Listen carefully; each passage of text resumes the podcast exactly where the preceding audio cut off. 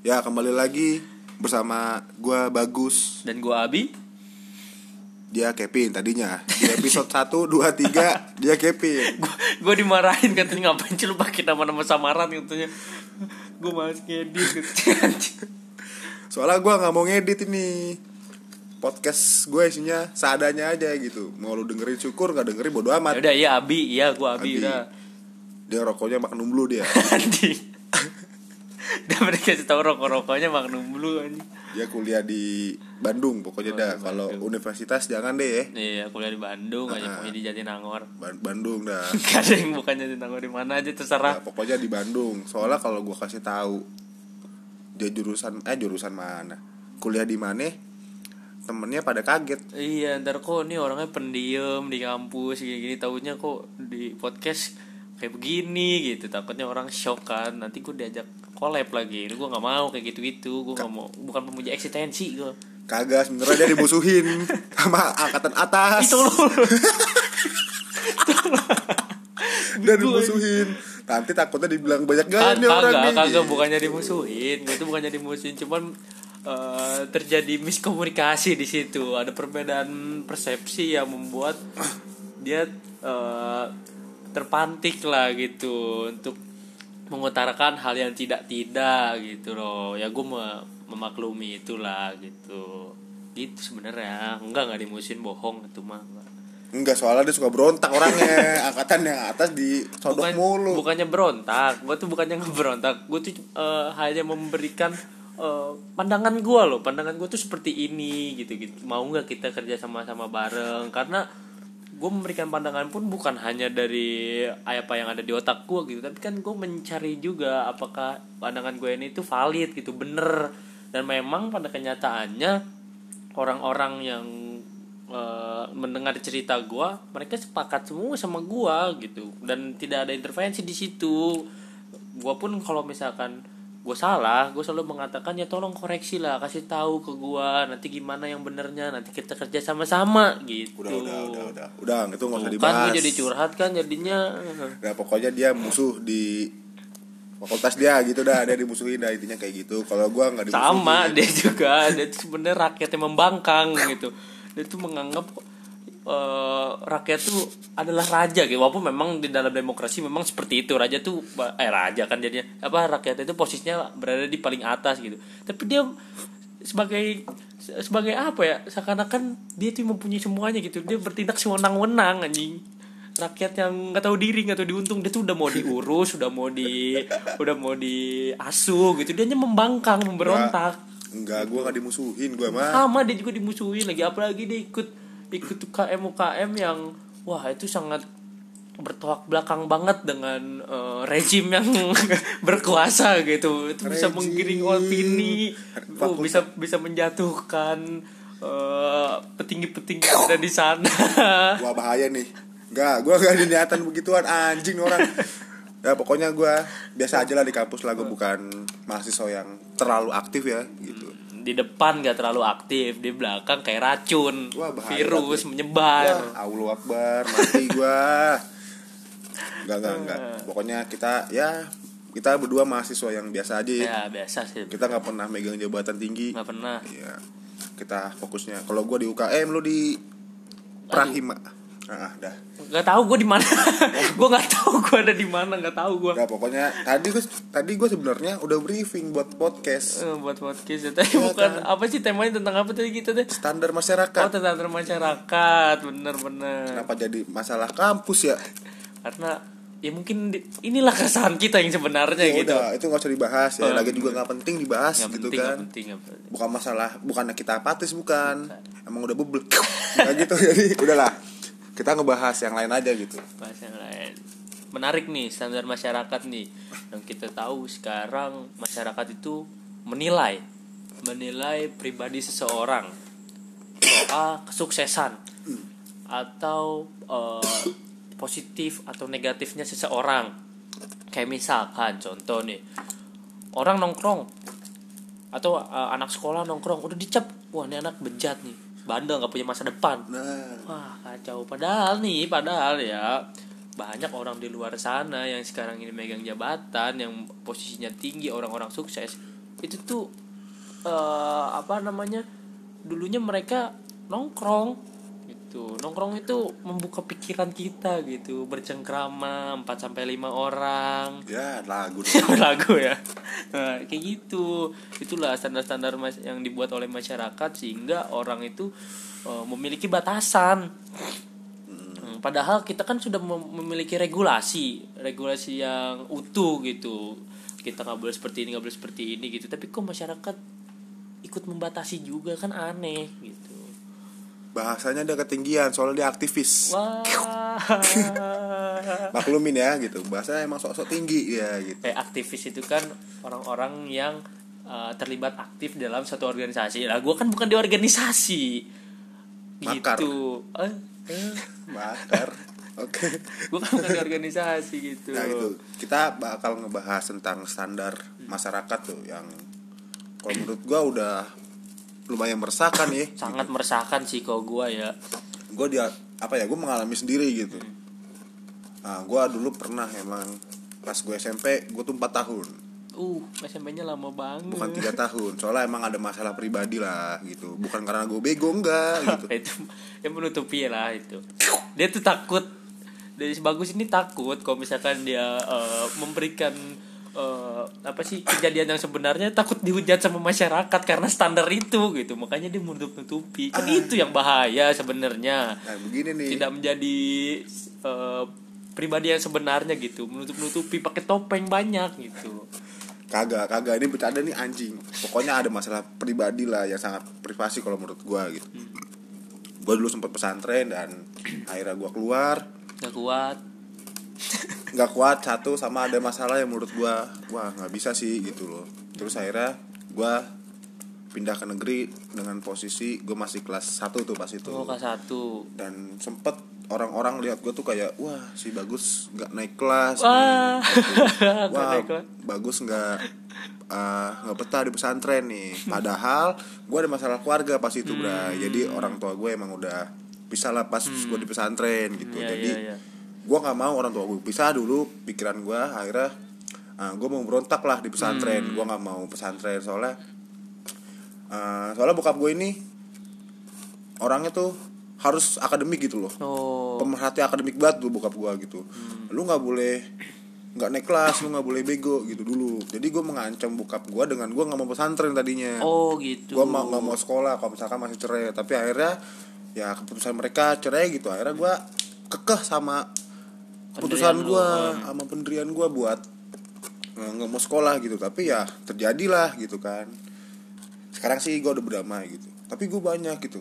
Apa diomongin lah kamu kok kenapa masih kelas 1 bukannya kelas 2 ya? Nah, itu tuh yang kayak gitu-gitu. Maksudnya orang bisa langsung memberikan stigma yang buruk gitu terhadap eh, seseorang yang apa namanya yang kita tahu gitu apa yang terjadi sebenarnya di dia gitu.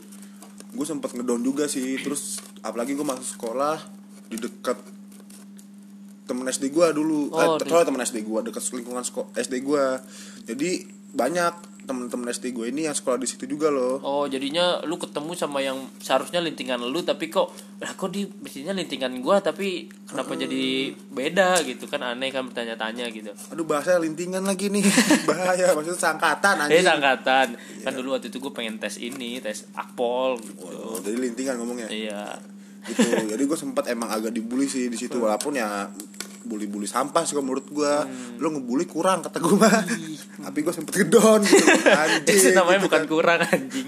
Lu memang tertusuk di situ ya, anjing. gue sampai pernah kan gue lagi lari nih olahraga gitu kan ya ketemu gue sama ya kakak kelas gue lah gitu Hmm. padahal mah temen SD gue itu dia dulu sangkatan emang anjing gitu gue dicegat anjing terus gue apa dimasukin batu anjing, anjing. baju gue gitu akhirnya gue berantem di situ Oke. gue gak terima kan gue berantem. Nah pokoknya gitulah. Terus di keluarga gue juga keluarga besar gitu kan. Gue dicap anak yang kasarnya bandel lah gitu. Hmm. karena gue pertama kan gue skip setahun apa skip setahun kan. Maksudnya gue nggak sekolah lu gue nggak nggak naik. Karena gue ngulang lagi gitu. Gue nggak nurut sama orang tua gara-gara uh, gue pesantren nggak selesai. Nah maksudnya gini loh. Kan ini keluarga besar ya yang seharusnya mereka ini tahu gitu. Iya. gue kenapa? Kenapa gue bisa terjadi kayak gini gitu? Karena kan ya ini kan anak lu nih maksudnya dalam arti eh, keluarga lu nih bercerai gitu loh. Dan dampaknya buat ke anaknya gitu. Seharusnya memberikan motivasi gitu ya. Nah ini gue malah dicap anak bandel gitu. Sampai wah gue nggak mau ngebuka juga sih. Intinya lah keluarga besar gue lah gitu. Ada beberapa orang gitu yang menurut gue yang harusnya mengasih motivasi Tapi malah menjatuhkan gitu itu yang bahaya memang karena itu ter- tadi yang tadi kita katakan eh, bahwasanya standar-standar ini tuh dibentuk sama masyarakat yang memang mungkin tujuannya itu baik kan? Maksudnya untuk ya, supaya lu hidup lebih makmur hidup lebih eh, apa ya ya berkecukupan atau seperti apa gitu. Tapi dalam realitanya itu malah jadi bumerang buat orang tersebut gitu. Dan ini merupakan sebagai contoh yang konkret gue rasa gitu tentang standar-standar yang dibuat oleh masyarakat. Jadi akhirnya gue SMP dengan penuh apa ya rasa bersalah sih sebenarnya gitu loh. Gue dulu merasa anjing gue nyesel banget nih nggak apa namanya nggak selesai pesantren gitu kenapa gua keluar kenapa gua nggak ngelanjutin. Yang berdampak gua nggak naik kelas akhirnya gue dulu menganggap yang malu bukan hanya gua doang bi gitu. Yang malu ya bokap gua juga. Bokap tapi lu, untung lu, tapi kan. untungnya bokap dan nyokap gua mengerti lah. Maksudnya oke lah gua di keluarga besar di uh, jatuhkan gitu dalam arti gitu. Tapi bokap nyokap gua sih masih ngedukung lah gitu. Yang penting kamu sekolah aja gitu. Tetap belajar. Masuk SMA alhamdulillah gue lancar gitu. Terus sampai akhirnya gue masuk unsut gitu kan. Di sini sih gue nggak merasa gitu ya d- apa omongan yang pas gue SMP tuh nggak kerasa buat gue sih sekarang gitu. Udah nggak ada yang ngebahas lagi gitu. Paling ada beberapa om at- om atau tante gue yang masih mengira tuh gue semester 8 sekarang. Hmm. Padahal gue udah masuk semester 6 gitu. Tapi ya gak masalah sih gitu. Dan untungnya sih buat gue eh Gue gak Untuk dicap jelek itu Masih ada Tapi gak separah Dulu loh Dulu. gitu. Karena emang gue menunjukkan Suatu progres yang Ke arah yang lebih baik, Baik. gitu. Dan didukung juga dengan argumentasi Nyokap gue dan Bokap gue Hmm, gitu. benar-benar. nyokap gue yang eh, sambung juga ngebantu gue gitu loh mengasih argumentasi dan yang memang harusnya seperti itu gitu. Bukan hanya orang tua ya Eh, kita mulai dari skala yang terkecil gitu. Dari mulai lingkungan keluarga kan tadi memang udah bagus gitu. Dan mungkin dari lingkungan keluarga besar dari saudara-saudara dari eh, apa namanya pade om atau dan yang lain-lainnya gitu. Harus tuh memberikan do- dorongan gitu. Nah yang terakhir ini yang itu dari masyarakat sendiri gitu. Dari temen-temennya dari eh, guru-gurunya dosen-dosennya. Terus siapa pun itulah gitu kalian tuh harus sadar kalau misalkan eh, orang itu nggak bisa langsung dicap seperti ini dicap seperti itu. Dan emang nggak bisa nggak bisa. Lu nggak boleh eh, eh, mengidentifikasi orang hanya dari covernya saja. Oh, oh iya nih gue sempet ada kejadian bi. Apa tuh? Ini dua kali sih gue rasanya yang, yang yang bikin gue sakit hati sih sebenarnya gitu. Jadi pas gue SMA nih gue ada temen lah temen eskul lah gitu. Dulu sih gue kan eskul awal-awal ya karena gue apa tuntutan ya Hmm. Gua oh wajib eskulnya Ah, pramuka sama PMR. Oh, pramuka gue ikut PMR. PMR. tuh. Nah, terus ada satu teman gue, bukan teman kelas sih. Gue deket sama dia. Hmm. Gue ngobrol-ngobrol. Terus dia tahu nih gue dari keluarga broken home. Hmm. Sama gue ngerokok. Nah, itu sih kalau menurut gue ya salah sih itu untuk ngerokok ya. Hmm. Nah, dia langsung jauhin gue anjing. Karena gue merokok dan gue anak broken home gitu. Ada, gue pernah digituin sama satu lagi teman kuliah gue. Teman kuliah gue jadi gini posisinya ini nih, nih bocah sendirian mulu bi. Hmm. wah tuh orang bener-bener introvert dah. Nah gua sama teman-teman gue ini pengen merangkul dia. Maksudnya ini kasihan nih bocah Iya, nih biar gitu ada loh. temen lah gitu Ah, kan. lagian juga gue lihat tuh dia banyak lewat info lo dari Oh, misalkan ada iya, info ah, kuis dadakan lah kalau enggak ada tugas dadakan Nah, yang itu kan merugikan diri dia sendiri Ah. sebenarnya. Gue pengen ngebantu itu maksudnya lu ayo gue masuk grup gue lu main sama gue gitu. Akhirnya sama temen gue ditarik masuk satu UKM yang sama gitu. Dia masuk mau terus dia sempet dipaksa juga sama gue sih ikut kepanitiaan yang sama gitu. Dan alhamdulillahnya berjalan lancar gitu. Untuk yang kepanitiaan ya tapi yang UKM ini kurang hilang-hilangan. Nah satu periode gue UKM kan biasanya ada makan-makan nih Iya. ya kan? Abis musyawarah anggo- abis musyawarah anggota Ya, ada makan makan makan makan kan undang apa kayak ya terakhir lah kita berkumpul lagi gitu. Di periode yang 2018 gitu kan di bocah ikut nih. Padahal setahun dia kagak ngapain Hmm. Oh, setahun nggak ngapa-ngapain. dia di bagian redaksi pas itu. Oh iya iya. Terus terus? Datang sama datang gitu. Akhirnya gue canda-canda lah walaupun itu bocah emang gue akuin diem banget orangnya. Parah gitu. Terus gue bawa ke kontrakan. Gue kan dulu masih kontrak sama teman-teman gue Hmm. gue ngobrol panjang lebar. Dia eh, seperti itu karena emang pas SMA emang ada bulian lah ah gitu. itu tuh bener tuh. Nah terus parah nah, temen-temen teman-teman dia tuh yang temen SMA dia tuh ada tiga atau empat orang gue lupa lah. Pindah ke Jogja semua kuliahnya. Nah dia mau ngikut gak terima akhirnya masuk unsut. Pas masuk unsut dia gak punya teman akhirnya di situ gue sama temen-temen gue menawarkan loh. Kayak lu dari temen gue bla bla bla gini gini. Gini gue pokoknya kita bercanda lah gitu. Walaupun dia masih diem aja gitu tapi gue nggak masalah lah gitu kan.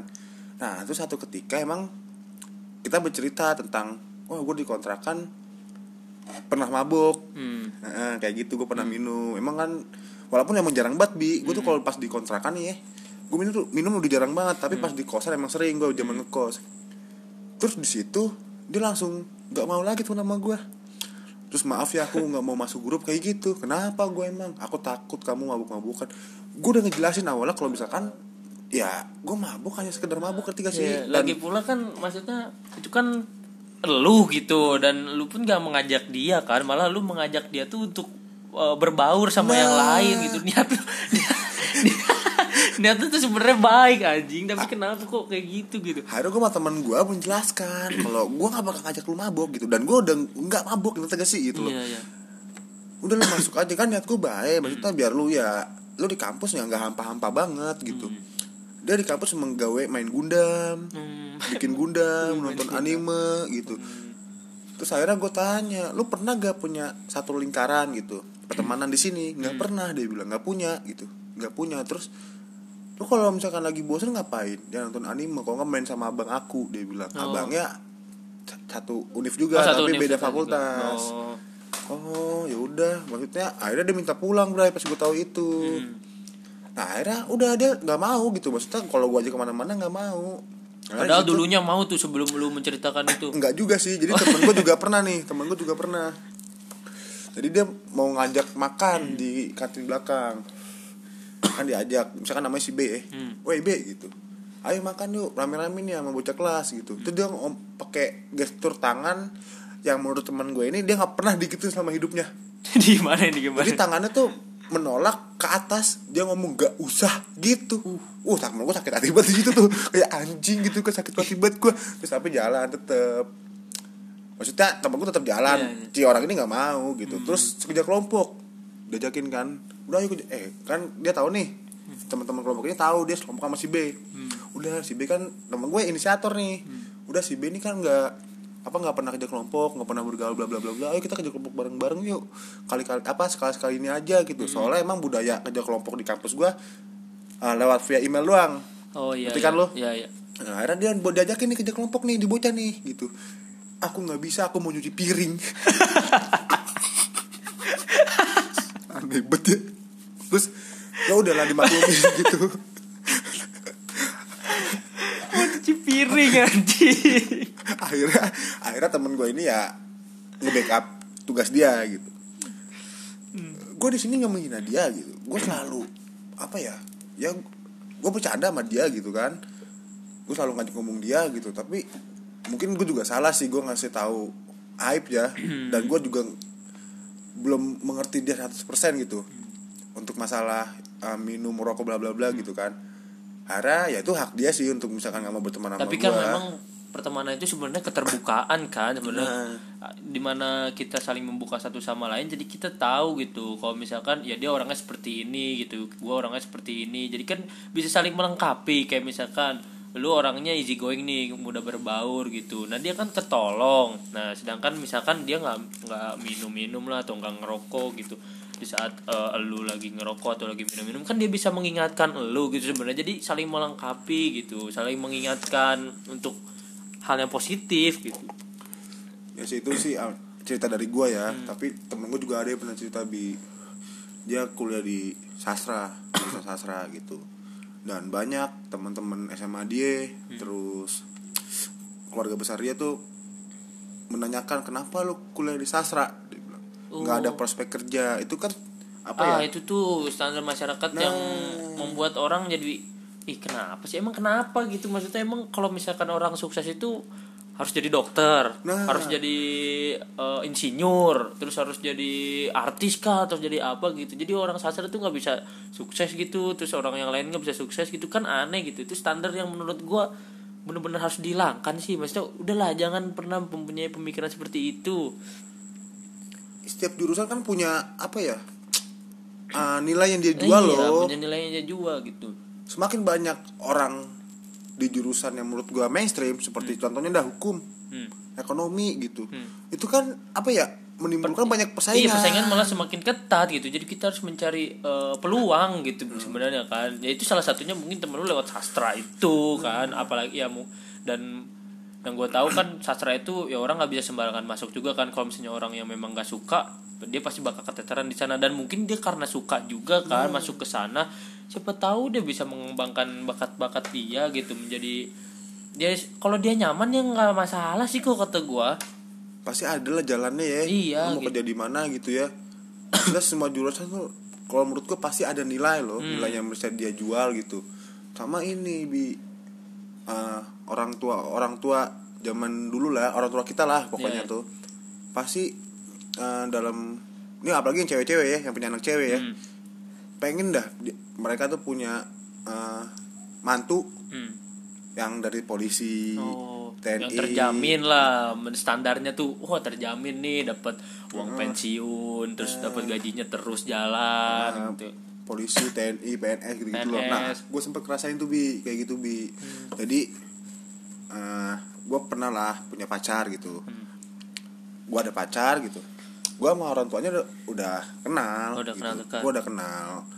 Dan gue punya hubungan baik lah maksudnya dalam arti ya gue nggak pernah bikin eh, orang tuanya ini marah gitu sama gue Ya. satu ketika cewek gue ngechat nih gitu. Aku habis ngobrol sama mama gitu kenapa gue bilang mama pengen punya eh, apa aku ditawarin aku dikenalin sama temennya mamaku Hmm. dia polisi apa TNI gue lupa gitu Iya. pokoknya seragaman dah Mm-mm. TNI soalnya mamaku pengen punya mantu dari TNI itu Hmm. terus gue sakit hati gue bilang anjing maksudnya gue udah kenal nih kan sama maknya kan Iya. dan dia tahu kalau gue nggak putus loh Mm-mm. Dan dia tahu gue mahasiswa gitu. Terus dia ngomong gitu ke anaknya ke ceweknya eh ke cewek gue gitu ke anaknya juga kan. Ngomong gitu. Oke lah maksudnya itu hak, Hak orang dia, tua iya, loh orang gitu. tapi harusnya lu bisa mengerti perasaan gue juga gitu. Kenapa nggak dilarang dari dulu gitu kan iya sih? benar benar. Nah gue udah, udah menjalin hubungan setahun pas itu. Oh, udah lama lah satu tahun tuh udah hal yang cukup lama. Apalagi udah kenal sama orang tuanya. Dan orang tuanya gimana? Maksudnya nerima luka atau eh, ragu-ragu kah? Atau kayak gimana tuh kalau misalnya di saat lu ketemu sama dia lah ngobrol sama orang tuanya gitu? Ya sejauh ini sih nerima gitu. Nerima. ya mungkin hanya pikiran liar orang tuanya ya Iya. gitu. Jadi ya maksudnya itu loh standar yang kalau menurut gua masih salah gitu. Ah, PNS terus polisi bla bla bla tuh pokoknya berseragam gitulah. Hmm, yang seragamnya merecet Ah, jangan kayak gitu ya iya maksudnya kan Ketat. bidang gitu Hmm, biar kan- kelihatan. Kalau mahasiswa kan ya mahasiswa nih aduh makan aja susah. Apa susah badannya pada begang-begang kurus-kurus gitu kan. Nggak semua nggak semua. Semua. pokoknya uh, yang instansi-instansi pemerintah Iya. deh gitu. Itu dan gue banyak dengar cerita gitu loh. Maksudnya dengar dengar cerita kalau banyak orang-orang tua sekarang yang pengen punya mantu dari instansi pemerintah ini gitu kalau menurut gue sih untuk zamannya oke lah. Ya. masih masih bisa dimaklumi ya. Tapi zaman sekarang kalau menurut gue udah nggak make sense gitu loh. Iyalah. Dan terus apa kabarnya nanti kalau misalkan eh, ada youtuber nih ditanya nih punya punya pacar mau ngelamar nih. Pas saya mau ngelamar anaknya gitu oh kamu kerja apa? Saya jadi youtuber. Hah? youtuber? Uangnya dari mana gitu? Padahal yang kita tahu Ata kayak gimana anjing? Bisa beli mobil ke sana kemari anjing bisa sukses ke sana kemari. Itu kan berarti menunjukkan kalau misalkan standar masyarakat itu sekarang udah udah nggak relevan gitu di zaman sekarang. Ini bi lu pernah gak sih lihat iklan Gerindra? Yang mana tuh? Yang jadi uh, anaknya kuliah teknik nih. Mm-mm. jadi ceritanya gitu lah anaknya kuliah teknik. Terus lulus. Hmm. anaknya ini nggak kerja sesuai uh, Oh, jurusan dia. bidangnya, ya. bidang dia. Jadi freelance gitu. Hmm. itu sempet uh, yang yang gue tangkap dari iklan Gerindra ini Hmm. dia tuh menyudutkan orang-orang yang freelance Hmm. yang jadi cuma jadi fotografer doang gitu penulis doang itu dibilang uh, emang gak salah langsung sih tapi nggak sukses gitu jadi orang yang di iklan Gerindra ini orang-orang yang sukses adalah orang-orang yang bekerja di perusahaan lebih baiknya sesuai di bidangnya. Bidangnya. Nah itu maksud gua iklan-iklan yang itu yang yang menimbulkan inilah persepsi masyarakat kan. Ada apa penggiringan opini atau seperti apa sih itu kok kayak gitu? Ya dia merawat standarisasi yang menurut yang udah salah ngerti gak sih kalau menurut gua? Gitu loh. Orang-orang freelance banyak yang kaya Ih, nih ba- malah kebanyakan malah orang-orang yang freelance gitu orang-orang yang punya usaha sendiri dia yang sukses. Iya freelance sih bukan usaha sih bi. Iya maksudnya dia punya ya dia bebas lah mau ngapain aja ya, kan. yang bisa kan kayak uh, foto fotografer nih. Fotografer kan emang gak tiap hari dapat kerjaan kerjaan job, kan. nah, tapi kan sekali dapat gede ada gitu. kan. Nah maksudnya itu ya gue ngerti gitu. Maksudnya freelance emang kebanyakan uangnya nggak pasti gitu. Iya. tapi kan gini loh itu itu termasuk pekerjaan kalau menurut gue dan masih apa ya masih relevan sama zaman sekarang. Ngerti gak sih gitu? Jadi nggak masalah eh, orang freelance gitu. Hmm. dan banyak juga freelance yang sukses gitu dan dengan freelance pun lu bisa mengembangkan bakat lu siapa tahu lu bisa buka usaha sendiri gitu. Hmm. ya kan? Dengan lu sering uh, ke mana sana kemari Jadi untuk punya mencari relasi gitu kan. dari dari dari konsumen gitu. Pasti kos- ada konsumen tetap kan? Nah itu lu maksud gua ya di mana mana lu kalau pengen jadi orang sukses ya harus susah dulu dong. Bener. Kegagalan Iya, itu kan gitu. suatu proses dari kesuksesan gitu. Orang nggak ada yang sukses itu nggak pernah gagal. Berarti tandanya itu dia belum sukses ke orang yang belum pernah gagal itu. Dan orang apa ya uh, orang kan ada gitu yang punya prinsip bahwa gua nggak mau kerja sama orang. Ya ada ya, kan? ya, ya. dia lebih nyaman sama uh, pekerjaan dia yang freelance gitu. Ya itu nggak masalah gitu. Nulis lah atau apa kan daripada gitu. lu kerja sama orang tapi tapi lu tertekan gitu iya, kan? nggak nyaman. Menurut karena gue- mengikuti standar aja sih kalau kata gue gitu banyak yang jadi karyawan karena mm, masyarakat mungkin menganggap kalau jadi karyawan ya udah terjamin udah punya uang ini uang itu Gaji gitu loh. tetap. gaji tetap maksudnya ya malah kalau menurut gua orang-orang yang bisa melawan standar itu adalah orang yang sukses kalau menurut Iya. gua gitu kalau misalkan lu suka lihat-lihat uh, baca buku motivasi atau lihat YouTube YouTube motivasi gitu si Bob Sadino deh gitu ya Bob Sadino ya dia tetap. jadi orang terkaya di Indonesia ya sempet ya Mm-mm. itu di- dari awal dari apa sih awalnya jualan keliling bi gitu terus yang punya KFC yang oh di iya Amerika iya tuh mm-mm. dia si kakek itu. Heeh, dia ngetok-ngetok door to door gitu jualan ayam. Dan dia sukses di umur eh, 60 tahunan gitu akhirnya sekarang sampai sekarang masih ada gitu resep dia gitu kan. Eh, cabang-cabang dia gitu apa orang udah nggak meninggal ah udah meninggal gitu kan. Ya kan maksud gue ya freelance itu nggak sampah gitu nggak bukan sampah masyarakat gitu. Kalau orang udah nyaman sama apa yang dia lakukan itu kalau menurut gue sukses. Orang sukses itu. Dan itu pun terserah dia gitu. Ah. kita nggak boleh ikut campur apa urusan dia gitu. Kalau dia udah nyaman. Ya tolak ukuran kan bukan dari harta bi gitu. Iya selama ini tuh orang menganggap ya gue nggak bilang semua orang ya mungkin eh, beberapa lah beberapa Hmm. orang gitu menganggap kalau misalnya lu sukses itu tandanya lu udah punya mobil punya Nah. rumah terus punya aset-aset yang berharga punya perhiasan dan sebagainya gitu itulah yang eh, muncul di masyarakat kita ini sekarang seperti itu gitu loh. Akhirnya meni- akhirnya menimbulkan ria-ria. Ah, Di story-story. bener, di story story kayak misalkan nih lagi lagi ngedengerin lagu di mobil sama pakai kopi jamnya di sini Rolex gitu dia pengen diakui bi biasanya ya kayak gitu. tapi ya nggak apa-apa masalah lah juga apa-apa. Itu sih. hak dia gitu. Dan hak gua juga buat Mengkritik. mengkritik gitu. Kita sama-sama punya hak kan? Ya, tapi ya jangan bertabrakan juga sih kalau menurut gua gitu. Jangan saling menyinggung sih. Hmm, gua nggak menyinggung dia Maksudnya- mau ngebebaskan. lu hak lu hak. Eh tapi kota kita kan menyinggung ya. Iya, ya nggak apa-apa sih sebenarnya gitu loh. Lu mau menyinggung juga nggak apa-apa gitu. retorika. Mm, nggak apa-apa. kalau misalkan tersinggung ya maaf tapi bagus buat konten gua gitu. Nggak apa-apa sih. Maksudnya kita balik lagi ke topik standarisasi ya. Gue paling nggak sepakat gitu sama uh, kesuksesan itu dilihat dari materi gitu. ya benar. Di situ gue sangat nggak sepakat gitu. Walaupun emang gue mengakui dengan lu banyak harta hidup lu bisa enak gitu. Iya. ya gue mengakui gitu. Dan gue pengen juga maksudnya dalam arti ya gue pengen hidup ada harta eh ada pak harta yang berlimpah gitu. Gue juga pengen tapi ya nggak harus loh gitu. Ngerti gak sih? Hmm. Tapi ada loh eh, waktu itu gue pernah mendapatkan pengalaman ya. Jadi gue main nih ke rumah saudara gue nih. Nah ya dia tuh enak lah difasilitasi lah sama orang tuanya. Dia tuh kuliah kan dia kuliah. Dia, dia dulu tuh sama temen-temennya ngontrak gitu kan. Nah sekarang tuh dia udah difasilitasi sama orang tuanya.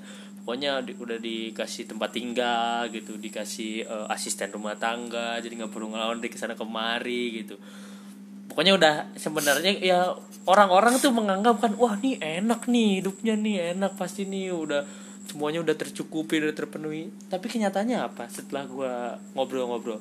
Dia nggak bahagia. Iya karena emang ada salah satu faktor sih menurut gue gitu. dia nggak bahagia gitu. Jadi kan berarti bener kan itu menunjukkan kalau materi itu tidak menjamin kesuksesan gitu loh maksud gua. Untungnya gini sih bi. Gue dididik dari keluarga yang eh, nggak harus terfokus sama materi gitu. Gue mengamini gitu misalkan bokap gue ini orang yang sangat ada gitu. Hmm. tapi karena gue dididik dari kecil eh, nggak boleh dalam arti gini loh gue kalau ingin mencapai sesuatu harus ada yang gue peroleh dulu gitu. Ya, dan gue minta barang gue minta sesuatu harus, Harus ada berfungsi. usahanya dulu, harus ya ada pertama gini gunanya. harus ada usaha- usahanya Hmm. sama harus emang gue lagi butuh gitu. Hmm, jadi memang bukan bukan keinginan tapi kebutuhan Nah, gitu ya? misalkan kayak gue punya HP Android asal lu tahu lu SMA kelas 2 bi yang harusnya zaman yang kuno kalau kata kalau kata zaman- masyarakat kuno udah udah lu kuno udah gak zaman pokoknya nggak gua nggak mau main sama lu pokoknya ada. zaman zaman pas gue SMA itu kan eh, pas ke, ke kelas 3 SMP dah ya gue ya. Hmm. itu kan udah ada Android gitu loh. Terus masuk SMA gitu. Gue dulu lu kan temennya sama gue gue masih ngechat SMS yang orang pada pakai WA gue kelas 1 nih. Gue masih SMS gitu. Dan gue ngepakai krengek minta bokap gue HP gitu. Tapi bokap gue bilang tuh belum butuh.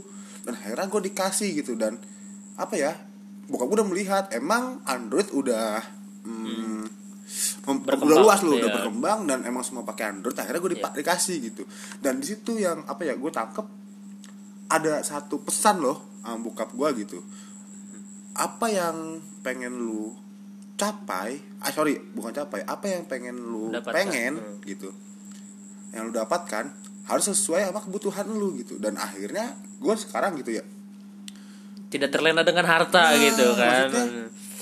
oke lah maksudnya anak-anak zaman muda sekarang gitu kan. Apalagi di jurusan gue kan ekonomi ya. Hmm.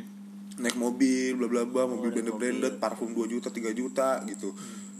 Gue nggak menuntut itu ke bokap gue akhirnya. Dan gue bisa hidup prihatin lah kayak gitu. Ya. Gue nggak gengsi buat nongkrong di warteg. Gue nggak gengsi nongkrong di burjo. Yang teman-teman deket gue tahu ternyata gue orang ada gitu dan sampai nih jadi ada satu kejadian bi. Eh, bunda gue ya ibu sambung gue ini lagi di rumah nih rumah Purwokerto nih. Ada temen gue temen kuliah gue Ya. gitu. Datang sekitar jam sebelasan ke rumah. Gue emang mau pas itu mau ngerjain tugas. Hmm. bunda terus bunda gue nelpon gue disuruh jemput ke eh, jemput depan gerbang. Iya. gue jemput dong. Terus abis gue udah nyampe sini temen gue nanya itu bunda lu udah habis dari mana habis dari pasar wage gue bilang Iya. naik apa? Naik angkot. Kaget dia. Hah bunda lu naik angkot? Hmm. iya emang kenapa? Gue bilang hah beneran naik angkot? Iya. Nah bukan emang nggak ada mobil? Ada. Bilang tapi kok naik angkot? Ya pengen jalan-jalan aja dia. Nggak malu apa? Ngapain malu? Gue bilang. Iya. Itulah standar yang dibentuk sama masyarakat orang. Maksudnya orang ada harus naik ini, orang nggak punya harus naik ini gitu loh. Kayak misalkan orang nggak ada nih, terus naik Ferrari misalnya gitu kan kayak wah anjing gua terima gua. Gua gak terima pokoknya dia harus harus jalan anjing. Pokoknya dia harus jalan harus jalan gitu. Itu kan salah yang kayak gitu gitu loh. Bahkan gue sempet nih kalau gue kalau pengalaman gue dari eh, sektor pendidikan. Jadi eh, sekarang kan berkembang nih di masyarakat eh, bahwasanya sekolah-sekolah favorit gitu ya. Iya. sekolah-sekolah yang punya kompet eh, apa sih ya apa ya punya apa namanya? Punya eh, suatu yang bagus lah untuk ada ada keunggulan lah di situ gitu. Berarti nah waktu itu waktu zaman gue SMP tuh naik SMA kan. Kan ujian nasional tuh. Dan ini oh ya sebelumnya uh, for information nih ya gue tuh waktu di SMP alhamdulillah alhamdulillah gue tuh uh, masuk ke SMP yang menurut standar masyarakat itu tuh SMP terbaik di kota gua. Itu menurut menurut Nah. menurut menurut standar masyarakat tuh pandangan masyarakat tuh seperti itu sebut gitu. saja SMP 1 ya. Ya Nah, SMP emang satu. kalau dari zaman dulu kan satu Iya, bagus itu kan emang emang satu sebenarnya. Iya. emang emang SMP satu gitu yang ada di kota gua. Ya gue bersyukur lah untuk itu kan, gue bersyukur gue menerima juga. Dan sebenarnya gue tuh eh, nggak bisa mengikuti pelajaran yang ada di sana gitu Gua- karena gue tertekan di situ. Karena memang gue tuh masuk lewat situ melalui japres kan bukan memang melalui eh, otak gue gitu melalui japres jalur prestasi. Waktu itu gue ada basket gitu kan. Tapi ya udah gue jalanin lah. Akhirnya gue bisa juga kan karena beradaptasi. Sampai suatu ketika gue menghadapi ujian nasional tuh. Nah ujian nasional keluarlah nem. Nah nemnya itu nilai ujiannya itu yang menunjukkan eh, untuk lu pengen masuk ke sekolah favorit yang ada di SMA SMA yang ada di kota gua. Nah hasil apa namanya hasil nem gua ini sangat sangat tidak memuaskan. Dan secara gua kan dari eh, SMP yang menurut masyarakat SMP terbaik di kota gua. Berarti mereka beranggapan ya lu dengan mudah dong bisa masuk ke SMA favorit gitu SMA yang bagus gitu tapi pada kenyataannya kan enggak gue nggak bisa gitu gue nggak mampu gitu. Memang itu ada salah dari gue juga gitu kan. Nah sampai akhirnya orang tua gue tuh kecewa sama gue karena gue nggak bisa masuk SMA favorit gitu tidak bisa mengikuti eh, standarnya masyarakat. Suatu ketika gue didiemin lah sama orang tua gue sampai dua minggu bahkan. Gue didiemin gue bener-bener wah pokoknya kecewa berat lah kecewa berat ya. Dan gue mengamini itu karena memang yang waktu itu gue merasa ya memang gue salah gitu gue salah. Nah sampai suatu ketika waktu itu gue lagi pulang tuh ke rumah malam-malam kan ya gue habis main tuh. Terus gue pulang ke rumah tiba-tiba ngomong eh, bokap gue ngomong gini ke gue bi besok eh, eh malam ini jangan ke mana-mana katanya. Terus gue tanya kan lah kenapa emang? Orang lagi liburan juga kan. "Eh, besok kamu tes basket katanya gitu tes basket buat as buat apaan kata kata gue gitu kan. Itu buat masuk jalur prestasi ke SMA favorit katanya gitu. Lah kan Nabi nggak nggak pernah juara di SMP sekalinya juara juga kan cuman juara tiga. Persyaratannya kan kalau mau mengikuti japres mengajukan japres itu minimal eh, juara satu tingkat kota gue bilang gitu kan. Sedangkan gue tuh cuma juara tiga gitu. Nggak nggak bisa nggak bisa sebenarnya. Terus gue tanya kan loh kan nggak bisa gini gini gini. Terus kata bokap gue udah lah nggak apa-apa. Yang penting kamu sekolah di sekolah yang bagus apa segala macem. Wah di situ gue langsung marah. Gue gue sekali sekalinya gue marah sama orang tua gue pada saat itu doang. Gue marah gue bener marah gitu. Gue nggak mau dan gue menolak gitu apa yang diperintahkan sama orang tua gue gue nggak mau gue bilang. Gue dipaksakan udah masuk kamu udah dikasih gini bapak udah bayar kok segini segini segini. Bukan masalah bagus bayar apa segala macamnya dan bukan masalah sekolah favoritnya gue bilang gitu.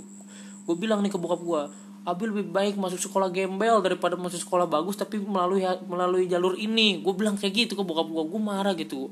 Ya, eh, memang gue salah di situ eh, apa penyampaian gue seperti itu. Tapi memang gue kesel gitu karena standar masyarakatnya seperti itu kan kayak bokap gue jadi pengaruh gitu. Kamu harus masuk gini gini. Padahal sekolah itu tidak menjamin lu bisa eh, sukses masih bukan bisa sukses ya masih bisa apa ya berkembang lebih baik itu kan sekolah semua sekolah sama tujuannya itu mendidik gitu dari yang nggak tahu jadi tahu dari yang nggak bisa jadi bisa gitu.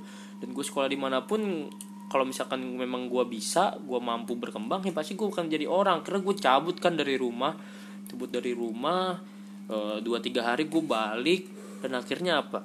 Bokap gue minta maaf ke gue karena udah melakukan hal itu. Bokap sekarang bokap gue udah bisa menerima udah kamu sekarang terserah aja masuk ke mana SMA-nya katanya. Pokoknya udah bisa udah membebaskan gue lah.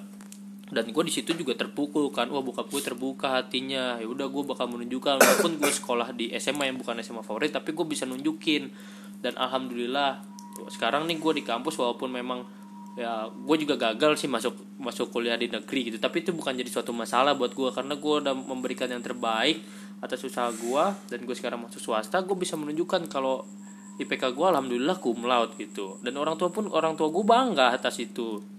Dan itu menunjukkan kalau misalkan eh, orang tua gue bisa menerobos standar masyarakat itu. Nah. dan ya gue sama-sama bahagia sekarang. Gue bahagia dengan gue yang sekarang. Orang tua bahagia dengan apa yang anaknya capai saat ini gitu. Jadi kan enak kalau kayak gitu gitu. Saling ada saling memahami gitu tanpa harus mempertimbangkan standar masyarakat yang ada sekarang gitu loh. Apalagi sekarang kan kayak wah kuliah swasta kayak gini kayak gitu segala macem. Ya tapi nanti aja kita buktiin gitu. Nggak usah takut lah gitu. Yang penting gue do the best lah memberikan yang terbaik gitu.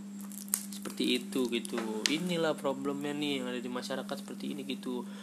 Harusnya eh, ya bukan hanya masyarakat termasuk gua juga dan bagus juga gitu. Kita sama-sama mengingatkan lah kalau misalkan orang itu punya haknya masing-masing gitu punya eh, kewenangannya masing-masing untuk menentukan arah dia mau ke mana gitu Ya bi, karena gue pernah dengar ceramah juga. Kalau manusia itu dilahirkan merdeka, jadi ya kehendaknya kehendaknya full dari lu gitu. Bukan dalam arti lu harus menentang orang tua lu ya, gitu. Lu harus sadar gitu. Ah, kalau misalkan lu punya kehendak dan lu jangan mau diatur melebihi porsi yang ada gitu Hmm. dan lu harus tahu diatur ini di, ke arah yang baik atau ke arah yang buruk gitu. bokap gue juga dulu masih punya mindset kalau sekolah negeri yang paling bagus bi gitu jadi gue selama alhamdulillah sih gue SD SMP SMA sampai kuliah negeri gitu tapi menurut gue swasta banyak yang lebih bagus dari sekolah gue yang pernah gue masuki gitu loh. Gue juga sempat gitu. Ini gue agak kecewa juga sih sama bokap gue gue pas itu nggak terima. Gue mau banget di UGM bi pas itu. Kamu UGM UGM sama Unbrau gue mau ngambil ilmu komunikasi. Di UGM gue ngambil filsafat tadinya. Gue sempet mau apa ambis loh ke situ loh. Terus akhirnya gue nggak terima dan gue mau daftar di UMN di Oh, iya. tahu kan di Serpong? Ya ya tuh ah gue mau ngambil apa ya broadcasting kalau nggak salah. Eh broadcasting gue mau ngambil broadcasting. Ah bokap gue nggak setuju. Ah udah kamu masuk ekonomi aja bla bla bla bla bla gitu. Soalnya bokap gue ah, punya planning. Kalau misalkan gue yang disuruh nerusin usaha bokap gue gitu. Tapi bokap gue nggak ngomong pas di kejadian itu loh akhirnya gue coba lah ya udahlah maksudnya gue turutin lah bokap gue karena gue juga sadar dulu gue sangat bangkang gitu. Gue gue bikin gue suka berantem sama bokap gue lah. Ah, banyak konflik lah dulu zaman gue SMP SMA akhirnya gue mau kuliah di UP awalnya. Oh di UP Pancasila, Universitas Pancasila ya gue ngambil manajemen sama ilmu komunikasi nggak boleh bokap gue Hmm. katanya jangan jangan di UP soalnya UP ah, narkoba banyak narkoba gitu kan. Nah itu juga tuh pak ini stigma masyarakat Nah, kan. maksudnya ya di mana mana di mana narkoba di mana mana juga mau lu mau lu dia kampus yang paling elit di dunia juga kalau misalkan lu emang udah edik sama narkoba ya pasti yang Iya, kalau lu cari narkoba pasti dapat lah kayak gitu loh. Walaupun memang ya memang nih lingkungan mempengaruhi kan. Tapi kan nggak mungkin semua lingkungan itu bagus semua nggak mungkin. Nggak ada semua lingkungan yang bagus semua itu nggak ada. Iya, gue yakin di pasti ada gitu loh jelek-jelek ada tinggal lu gedung-gedungnya ada. tinggal lu cari ada. aja kan ya. Nah, akhirnya gue kekeh mau di UP tuh. Terus nggak boleh. Akhirnya gue ke Gundar Depok daftar. Oh, iya. Gue di UMN nggak boleh tuh awalnya. Gue suruh yang dekat aja di Gunadarma. Di UMN nggak boleh soalnya eh, adalah indikator yang kalau menurut gue nggak masuk akal gitu. Hmm. akhirnya gue di Gundar tes gue bi gue tes alhamdulillah gue dapat yang paling kecil biayanya tuh dulu tuh 9 juta temen gue dapat 10 juta 11 Oh, juta gitu kan 12 juta gitu Lumayan lah. lumayan lah gue nggak bego-bego banget nah terus gue daftar manajemen sama ilmu ilmu komunikasi daftar gue blak gue daftar udah tuh tenang gue dan gue keterima di manajemen. Yang tadinya gue pengen di ilkom kan tapi gue keterima manajemen soalnya bokap gue nyuruh yang nomor satu manajemen gitu kan. Ya udahlah yang penting gue kuliah tadi gue punya pola pikir kayak gitu. Pas lebaran gue ketemu sama saudara gue ternyata unsut buka eh, ujian mandiri. Ujian mandiri. gue disuruh masuk situ jadi gue diculik bi sama bokap gue bi anjing kan. Gue dibawa ke cilacap nih. Gue dipaksa ikut ke cilacap nih.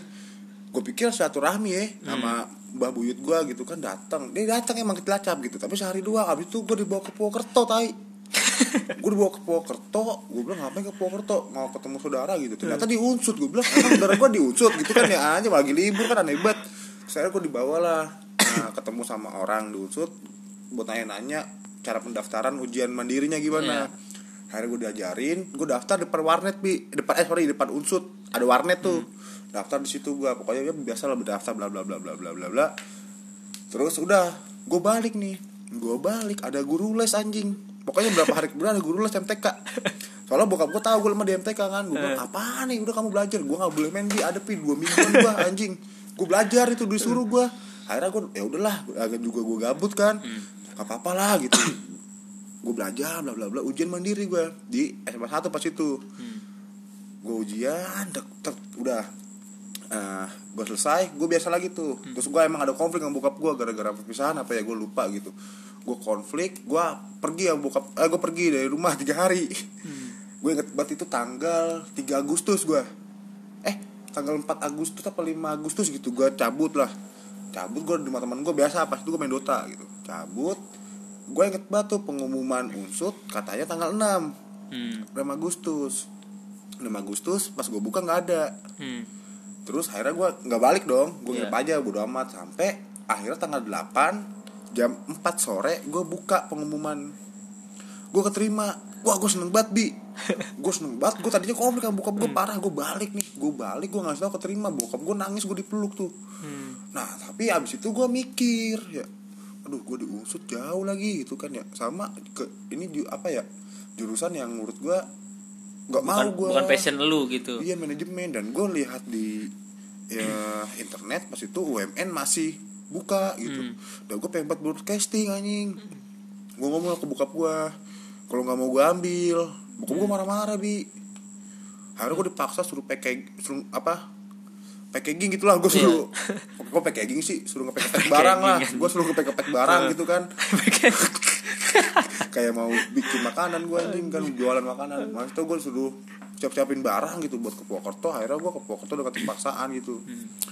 Gue gue ke Purwokerto dan yang paling tainya adalah bokap gue bayar bi. Dan gue nggak tahu di situ. Dan dalam arti gini loh bokap gue bayar juga nggak apa tanpa dia tahu loh ngerti gak sih jadi gini Hmm. dia juga digocek juga nah gitu jadi gini gue lagi di kosan Hmm. biasa lah gue beres-beres barang ngobrol-ngobrol bentar bokap gue ngasih uh, pesan lah kamu kuliah yang serius ya kayak gitu kamu nggak apa-apa ngikutin pergaulan tapi jangan sampai ke bawah Hmm. gitu kamu harus cari uh, apa ya kamu harus yang baik kamu gitu. harus berorganisasi biar Nah. kamu dapat teman banyak gitu Iya, soalnya bapak yakin kalau kamu punya, punya teman banyak kamu bisa jadi orang sukses. Bokap Iya. ngomong kayak gitu. Soalnya emang background bokap gua dia bisa suk- apa sukses kayak gini karena emang dia dibantu oleh temennya juga dan dia aktif loh Hmm. gitu. Dan kamu harus jujur bla bla bla gitulah. Itu gue bilang iya aku serius gitu. Soalnya bapak udah bayar mahal mahal ngomong kayak gitu juga. Hmm. hah? Bayar mahal mahal gue bilang. Kan UKT-nya enam juta empat ratus gue Hmm. bilang gitu kan kalau di Gundar 9 juta mahalan mahalan Dan di Gundar. lah gue bilang gitu kan. Iya soalnya bapak bukan kamu kan UM ujian mandiri. Hmm. kan bapak juga nyumbang uang gedung. Hah gue kaget. Berapa? Gue bilang Hmm. 40 juta. Gue kaget dong. Hmm. orang UM gak ada uang pangkal gue bilang gitu kan. Gue marah di situ. Kenapa gak ngomong dulu? Gue gituin kan ya. Hmm. lah kan dari zaman bapak juga kalau ujian mandiri harus bayar uang gedung. Tuh gimana caranya bapak bisa bayar? Gue gituin kan. Hmm. telepon jadi bokap gue pas tanggal 6 dia telepon sama orang gue nggak ngerti sama siapa ya. Kalau bokap gue bilang sama orang ada orang unsut lah gitu. Bokap gue disuruh bayar 40 juta gitu. Nyumbang. Nah bokap gue akhirnya nyumbang 40 juta. Emang nggak dipatokin berapa ya gitu. Tapi bokap gue nyumbang 40 gitu. Soalnya orangnya juga ya paling sumbangan sumbangan dari orang tua lain mah paling 40 30 40 50 juta pak gitu. Nah bokap gue akhirnya ngambil jalan tengah 40 juta dibayar dan tanpa ngomong sama gue karena gue juga konflik kan. Hmm. gue di situ marah. Gue nggak mau maksudnya gue nggak mau sekolah gitu kan kalau caranya begini gue nggak mau sekolah gitu. Itu itu nggak nyogok kata bokap gue bapak mau bayar uang gedung doang kamu juga masuk dengan usaha kamu gini ah gue nggak percaya anjing soalnya pas gue daftar ya ada tulisan di situ usulnya Oh, kalau misalkan ada tulisan. nggak ada uang gedung gitu loh anjing gitu kan. Terus akhirnya udahlah gue dengan hati yang terpaksa gitu kan gue kuliah di unsur gitu. Akhirnya gue cari tahu nih apakah benar ada uang pangkal? Akhirnya gue ketemu sama kating kating gue ngobrol-ngobrol gitu. Ternyata emang nggak ada bi. Oh nggak ada. Nah di situ akhirnya gue ngomong ke bokap gue dan bokap gue akhirnya mengikhlaskan kayak ya udahlah Hmm. gitu kamu juga masuk lewat UM gini gini gini nih awalnya gue eh, nggak terima bi. Hmm. akhirnya gue pas semester satu gue kuliah suka suka hati gue gitu. Gue niat gak niat gue sangat gak niat malah gue kuliah dulu semester satu. Dengan hati yang kayak merasa bersalah loh kayak Hmm. anjing gue nyogok apa kagak ya? Gitu. Dan akhirnya gue dapet kesimpulan kalau misalkan buka gue nyogok nih tapi dengan cara yang dia juga nggak tahu gitu. Iya, dia nggak juga nggak tahu kalau dia tuh inilah gitu dijebak juga lah sama orang. Eh maksud gue buat apa lu bawa guru les kalau kayak gitu? Anjingan iya ya udah tuh pasti masuk mah tuh ngapain kan nah, maksudnya akhirnya udah guru les? gue kuliah bla bla bla bla bla. Tapi ya sebenarnya gini sih akhirnya gue dapat kesadaran bahwa ya udahlah gitu ini udah terjadi dan gue harus menyelesaikan itu loh. Dan itu pun bukan kemauan lu berdua kan maksudnya Uh-uh. jadi ya udahlah nggak ini pelajaran lah buat lu dan bokap lu juga gitu loh. Makanya bokap gue kenapa bisa mau bayar 40 juta gitu. Hmm. terus nyuruh gue kuliah di unsut gitu.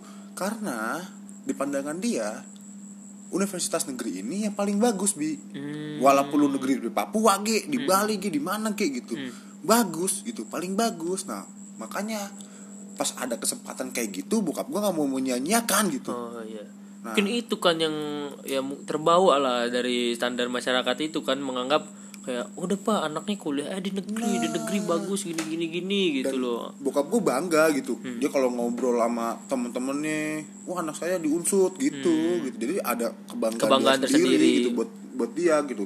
Kalau padahal mah gue mah kagak anjing. Gue ngobrol sama temen gue nih lu kuliah di mana? Unsut di mana tuh anjing? Dan gue yakin teman-teman dia juga gak tahu teman-teman bokap gue gitu wah saya kuliah di unsut dalam hatinya mana unsut di mana ya? Gitu kan nggak tahu dia anjing. Temen gue nggak tahu gitu loh. Maksudnya kalau mau negeri sekalian ya di UGM gitu kan. UGM, gitu. UI gitu. Terus kalau misalkan lu pengen swasta sekalian yang yang bagus Yang gitu bagus. binus G atau di Gundar yang Gundar juga bagus sih bi. Bagus. Terus ya gitu gitulah maksud gua. Kenapa harus di negeri gitu mindsetnya orang-orang dan gua merasakan gitu. Gua kumpul sama saudara gua Hmm. terus oh nih si bagus nih kuliah di unsut nih bla bla bla gini gini gini gue batin di situ kayak Hmm. anjing gue masuk unsut juga nggak jelas ya Hmm. terus nggak bagus-bagus amat gitu loh anjing pas gue masuk tuh univ gue masih grade B oh Akreditasi- akreditasinya B. masih terus pas tahun sekarang kan 2019 Udah udah A. gitu apa yang bagus dari unsut menurut gue apa kata gue tuh jadi kan subjektif ya gitu Nah, maksudnya. akhirnya ya alhamdulillah sih gue ngejalanin dengan ya sekarang bagus sih gitu nggak ada masalah gitu tapi ya ini ya yang maksud gue yang harus dihindari loh Iya. standar masyarakat dan siapa ini. coba yang mau bertanggung jawab atas ini Nah. nggak ada kan yang mau bertanggung jawab untungnya ya kita berdua ini bisa survive loh hmm. dari standar masyarakat ini loh kita nggak menjadi depresi lah bla Iya. bla bla gitu karena ada bi temennya si temen adik gue Hmm. dia tuh eh, dari keluarga emang dokter Hmm. dan dia dituntut harus dokter gitu loh dan dia tertekan di situ bi Iya. akhirnya dia stres stres ya udahlah pokoknya stres gitu depresi ke psikolog bla bla bla gitu yang emang keluarganya bokapnya dokter nyokapnya dokter kakaknya dokter dan suka dibanding bandingkan gitu loh kalau lu nggak dokter lu nggak sukses gitu Hmm. Aduh. nah maksudnya itu loh yang akhirnya menyiksa orang orang iya bener jadi tertekan orang gitu Iya. atas apa yang berkembang saat ini gitu dan ya inilah sebagai kan udah cukup lama juga nih ya kita udah Iya. hampir sejam nih ngomong. Gue mau memberikan eh, pandangan aja ke gue eh pandangan aja ke gue pandangan aja nih ke teman-teman sekalian nih. Kalau misalkan lu nggak bisa jadi rambu-rambu ya janganlah tidak eh, kalau misalkan eh kalau misalkan lu nggak bisa jadi rambu-rambu ya tolonglah jangan jadi portal gitu kalau misalkan lu nggak bisa mem- mengingatkan tentang tentang kebaikan mengingatkan tentang tentang nilai positif setidaknya lu jangan menghalangi orang untuk eh, berkembang ke arah yang lebih positif gitu. Lu jangan menjadi portal gitu maksud gua. Jadi biarin aja orang eh, pengennya ke mana pengennya ke mana gitu. Itu terserah dia gitu. Dan lebih baik seharusnya lu mengadakannya ya ke arah yang lebih positif gitu. Dan tidak mengkotak-kotakan tidak kayak misalkan ya lu harus eh, lu ke sini nih lu ke sini nih lu ke sini nih gitu. Kayak seakan-akan lu jadi eh, apa ya mengatur hidup seseorang gitu atas standar itu gitu. Kayak gitu loh. Ya sih tapi jangan lupain asas kepatuhan gitu ya. Benar benar. Misalkan emang orang tua lu masih mengikuti standar masyarakat yang ada gitu lu jangan apa bikin konflik juga Iya, gitu. jangan membangkang juga maksudnya ya kasih taunya secara pelan-pelan lah gitu pelan-pelan kan kita ngobrol bareng sharing diskusi apa kan musyawarah. Semua itu kan semua itu bisa memecahkan masalah itu musyawarah bukan perdebatan gitu. Sampai menemukan mufakat nantinya. Iya, kita nggak munafik lah semua orang pengen dihargai gitu. Betul itu mungkin kodratnya lah. Kalau misalkan lu nggak mau menghargai jangan bikin masalah juga gitu dalam konteks mana pun ya gitu dan lu harus mengerti apa ya asas kepatuhan itu loh gitu. Walaupun orang tua lu selau walaupun saudara lu selau abang lu selau adik lu selau ya lu jangan seenaknya juga iya gitu. benar. Dan maksudnya gini ya lu dalam menyikapi standar masyarakat jangan lu bawa barbar juga gitu loh. Lu harus bisa mengasih uh, pesan positif juga loh ke orang-orang yang masih menganut standar masyarakat ini gitu lu harus membawa dia lu harus menggiring mereka ini ke arah yang lebih baik dengan cara yang baik juga. Iya, kan banyak nih orang-orang yang ingin memperjuangkan kebaikan, nilai-nilai positif tapi dengan cara yang negatif gitu loh. jadi sama aja gitu kan. Dan memang sebenarnya ya standar masyarakat ini kan emang tujuannya kebanyakan bagus gitu loh. Maksudnya eh, apa sih goalsnya itu bagus gitu untuk ya gini-gini lah apa segala macam. Tapi kan caranya itu gitu. Jadi sih buat teman-teman yang masih di dalam lingkaran standaris standar masyarakat ya, yang masih melakukan atau yang tertekan oleh itu, lo harus bisa berjuang sih. Berjuang, berjuang. Pokoknya jangan sampai lu berhenti di satu titik. Karena di saat lu berhenti di di eh, suatu badai gitu. Lu gak akan pernah meninggalkan badai itu dan akan terlalu melarut ke sana gitu. Apalagi yang sekarang masih tertekan oleh standar masyarakat, lo harus semangat, lo jangan Semangat pernah patah gitu loh. Dan lo harus bisa meyakinkan orang tua lu yang paling deket ya, iya lingkungan, lingkungan lu. terdekat lah. Yakinkan kalau misalkan apa yang lo lakukan ini nggak salah gitu dan dengan cara yang baik gue yakin orang uh, lingkungan lo ini bisa menerima lo gitu. Karena uh, kita semua pernah merasakan betapa tainya standar masyarakat gitu yang membuat pusing ini bahkan membuat konflik antar Iya. anak dan orang tua kan itu bisa jadi durhaka bahaya Iya. juga kan akhir-akhirnya pesan gue sih lu pasti bisa gitu Bisa. untuk melawan standar masyarakat ini gitu tapi ke arah yang baik ya jangan ke arah yang Iya. buruk gitu gue yakin kalian bisa soalnya ya kita manusia kita punya kehendak gitu dan lu boleh terjatuh tapi jangan lupa bangkit. Iya Nah, betul. gitu. Dan lu harus punya orang yang bisa lu percaya dalam uh, mengeluarkan keresahan ya gitu. Melu- apa mengeluapkan keresahan lu gitu. Ya mungkin dari orang tua saudara teman-teman lu gitu. Dan ayo apa ya lu harus sharing sih kalau menurut gue ya. Iya. Sharing cerita jangan lu pendem sendiri. Karena menurut gue standar masyarakat ini sangat sangat tai gitu. Kalau lu pendem sendiri kesan lu ini yang bikin lu makin ngedon Hmm. jadi lu harus sharing dan lu harus semangat sih jangan patah semangat gitu. Itu pesan dari gue benar. Sepakat sepakat. Semua orang semua orang pernah merasakan jatuh gitu. Tapi gue yakin lu pada lu pada bisa bangkit gitu dari jatuhnya.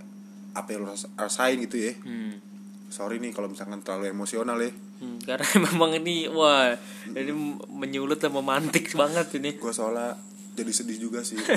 banyak teman gue yang masih tertekan oleh standar masyarakat ini loh jadi ya fungsi gue adalah menenangkan dia Nah, dia dan siapa pun itu yang udah sadar tentang eh, fenomena ini gitu, ayo sama-sama gitu kita bangun eh, teman-teman kita atau lingkungan-lingkungan terdekat kita yang terperangkap di situ gitu. Kita bawa mereka gitu ke arah yang lebih eh, baik yang mem- bisa eh, membuat dia lebih nyaman lah dalam menjalani hidup. Iya. Ini kita udah 59 menit nih. Jadi kita harus pamit ya. Iya, Soalnya kita nggak mau diri. kita nggak mau 60 menit. Soalnya 6 tuh angka setan katanya. Oke. Itu standar masyarakat juga tuh. Nggak nih gue bercanda. Pokoknya podcast gue nggak boleh kena 60 menit. Bye bye. Nah,